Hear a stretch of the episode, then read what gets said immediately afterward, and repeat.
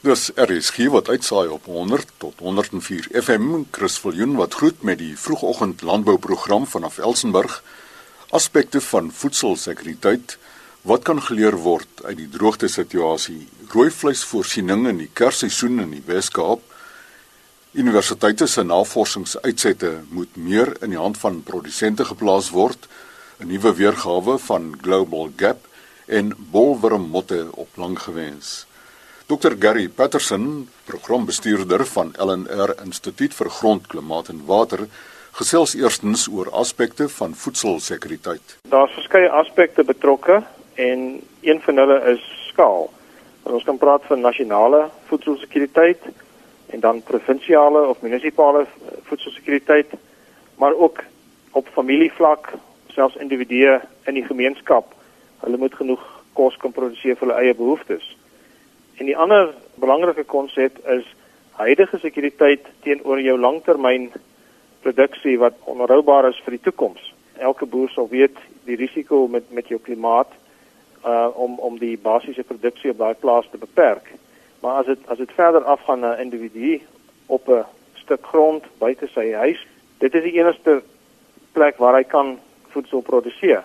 En dan is daar die konsep van soos ons sê in Engels supply and demand kan dalk wees dat elke produsent in daai gebied produseer dieselfde gewas. So die pryse gaan af en jou produsent kry minder vir sy kos as wat hy dalk verwag het. Nou voedselsekuriteit is 'n konsep wat baie mense nie verstaan nie. Baie mense sê ag ons ons voer net in.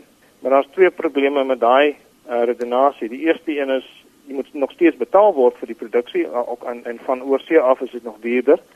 Die tweede probleem is dalk daar's 'n tekort in ander dele van die wêreld en daai produsente besluit nie hulle verskaf hulle produkte eerder in 'n ander land vir ander mark eerder as in Suid-Afrika en skielik is daar 'n tekort want daar's nêrens sulke voedsel bes beskikbaar.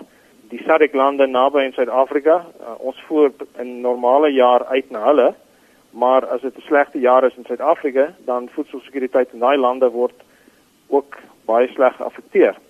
So die konsep van voedselsekuriteit is 'n belangrike een en met die populasie in Suid-Afrika wat besig is om aanhou te groei, dit gaan net erger word in die toekoms. So dit kom weer eens en ek het dit al voorheen op die radio gesê, dit kom daarop neer ken jou grond, ken jou produksiegebied, doen ordentlike beplanning en as dit by die weer kom, basies hoop vir die beste.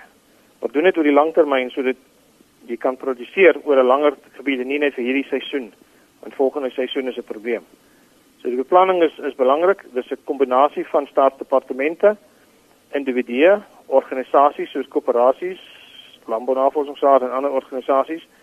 Maar as dit kom by oorlewing nie net van 'n individu maar ook van die land, is voedselsekuriteit 'n absolute krisisarea en dit kan net erger word in die toekoms as ons nie ordentlik beplan nie. Programbestuurder van LNR Instituut vir Grond, Klimaat en Water, Dr Gary Patterson.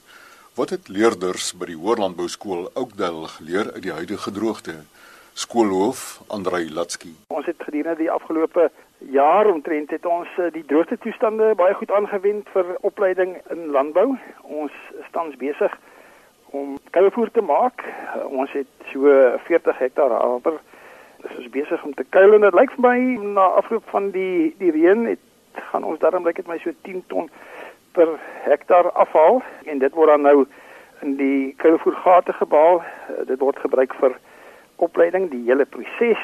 Verlede week het ons dan nou ook die Suid-Kaap Jersey kudde kompetisie gehad hier in die suiwel afdeling. Ook daarin ons seuns blootgestel. Ons spog by om te suiwel afdeling word baie goed bestuur ook deur meneer Henny Eis.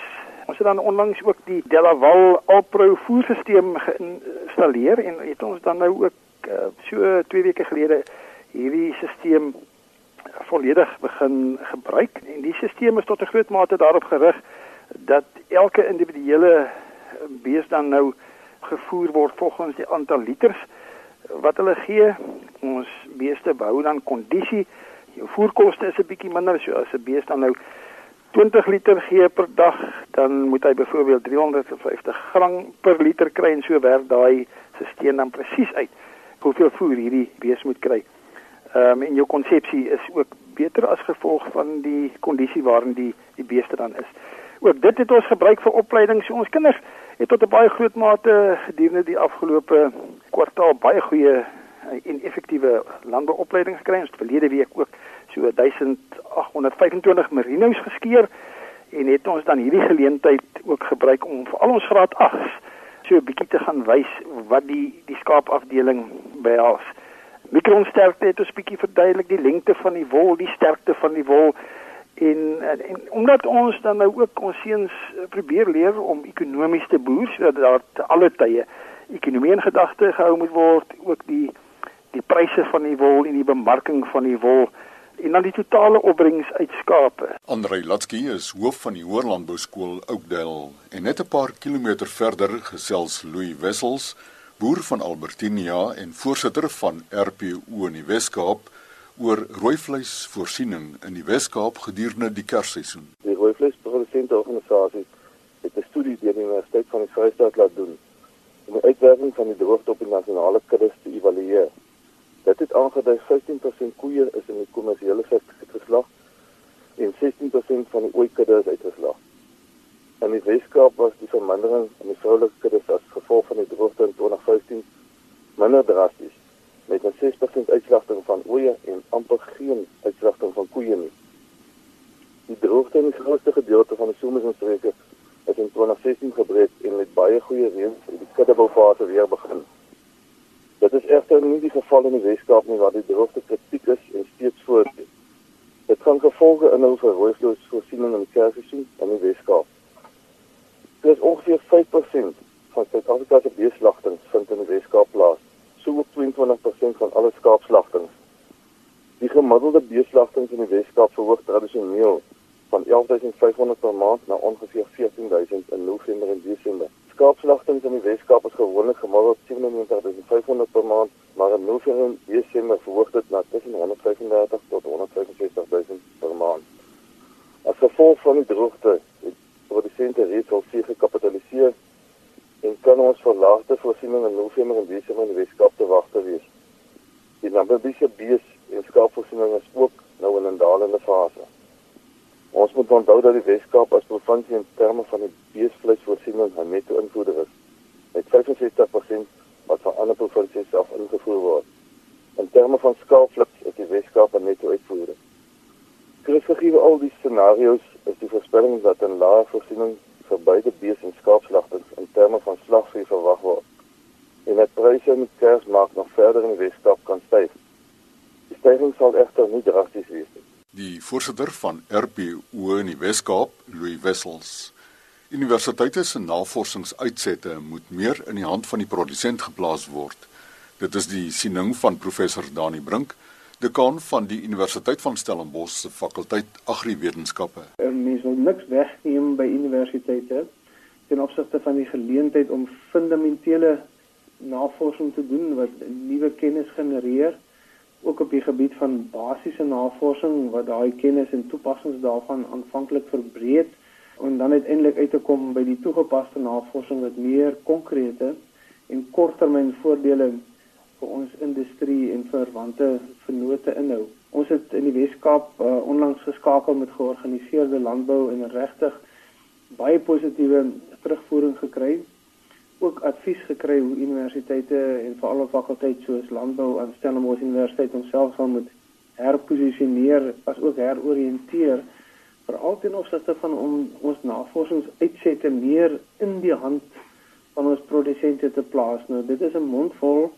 vir 'n universiteit wat onder druk is en dis die primêre taak die van opleiding en navorsing. Maar ons kan ongelukkig nie langer wegskram van die uitdagings rondom tegnologie oordrag nie en in die opsig word daar regtig hard gewerk uh, agter die skerms en in samewerking met ons uh, industrievennote om nuwe meganismes en nuwe kanale te skep om uh, die universiteit te help om vinniger uh, en meer doeltreffend ons navorsingsuitsette te kan verpak en te kan oordra tot op produsente vlak gereed vir toepassing maar ook om die omgekeerde boodskap dan terug te bring en terug te stuur na die universiteit toe van presies waar lê die knelpunte, waar lê die prioriteite en die geleenthede.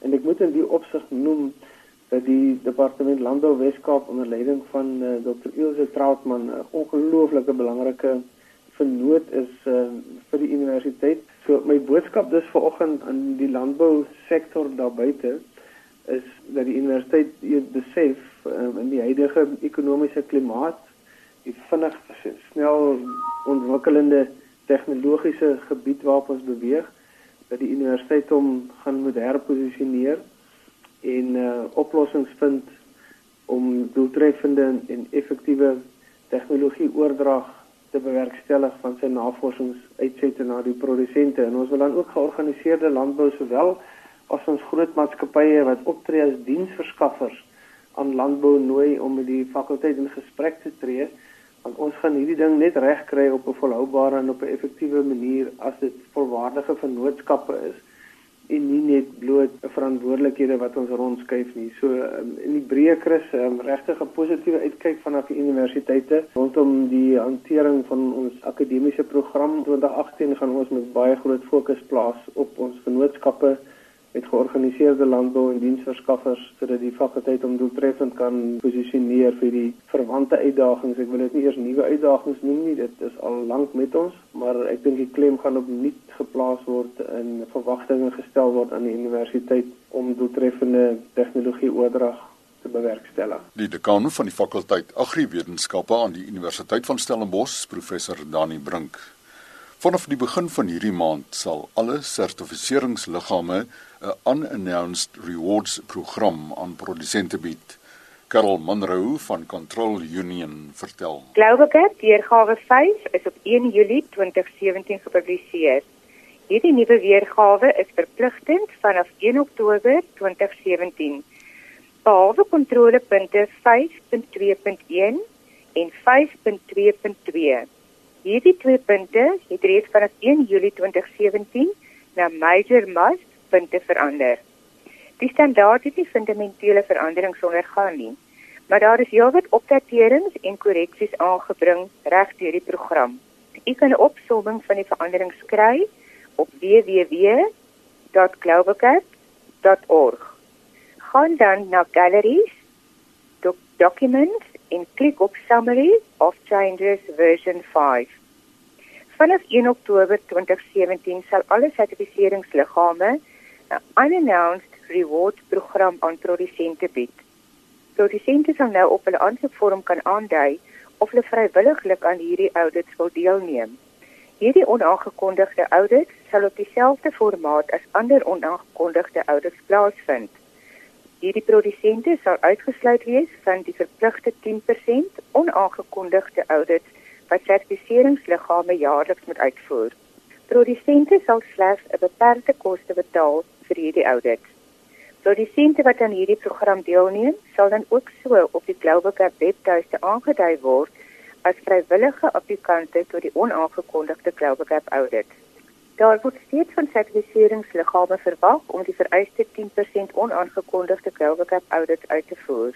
Hierdie audits word op 'n roteringsbasis uitgevoer. Ouditkoste sal nie verhaal word nie, maar vervoer en akkommodasiekoste kan en mag gehef word.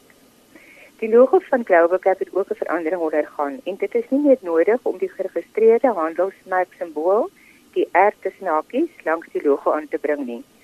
Daar is egte voorwaardes wanneer produsente die Global Cap logo mag gebruik. Produsente kan 'n e-pos stuur na info@ggn.org ten einde vas te stel of hulle aan die vereistes voldoen al dan nie. Vanaf 1 Oktober is dit ook verpligtend om alle koördinate van produksiepersele en produkhanteringspersele aan te dui. Vir 'n volledige lys van veranderings in die Global Cap standaard, skakel Control Union se kantoor by 086 751 6690. Karel Monroe van Control Union. Dr Kobus Loubser, senior entomoloog in die Departement Landbou in die Wes-Kaap, laat weet dat massas bolwerm motte in die geelbakke by sy proef op langgewens in die Swartland waargeneem is. Nou dit is 'n aanduiding van moontlike swaar besmettings van bolwurms in graanlande in die Swartland en produsente moet hulle spuitprogramme aanpas. Dan in RSG Landbou, môreoggend om 4:15 Die Misgant Oos Klein Boere Trust vier hulle 21ste suksesvolle bestaanjaar. Groete.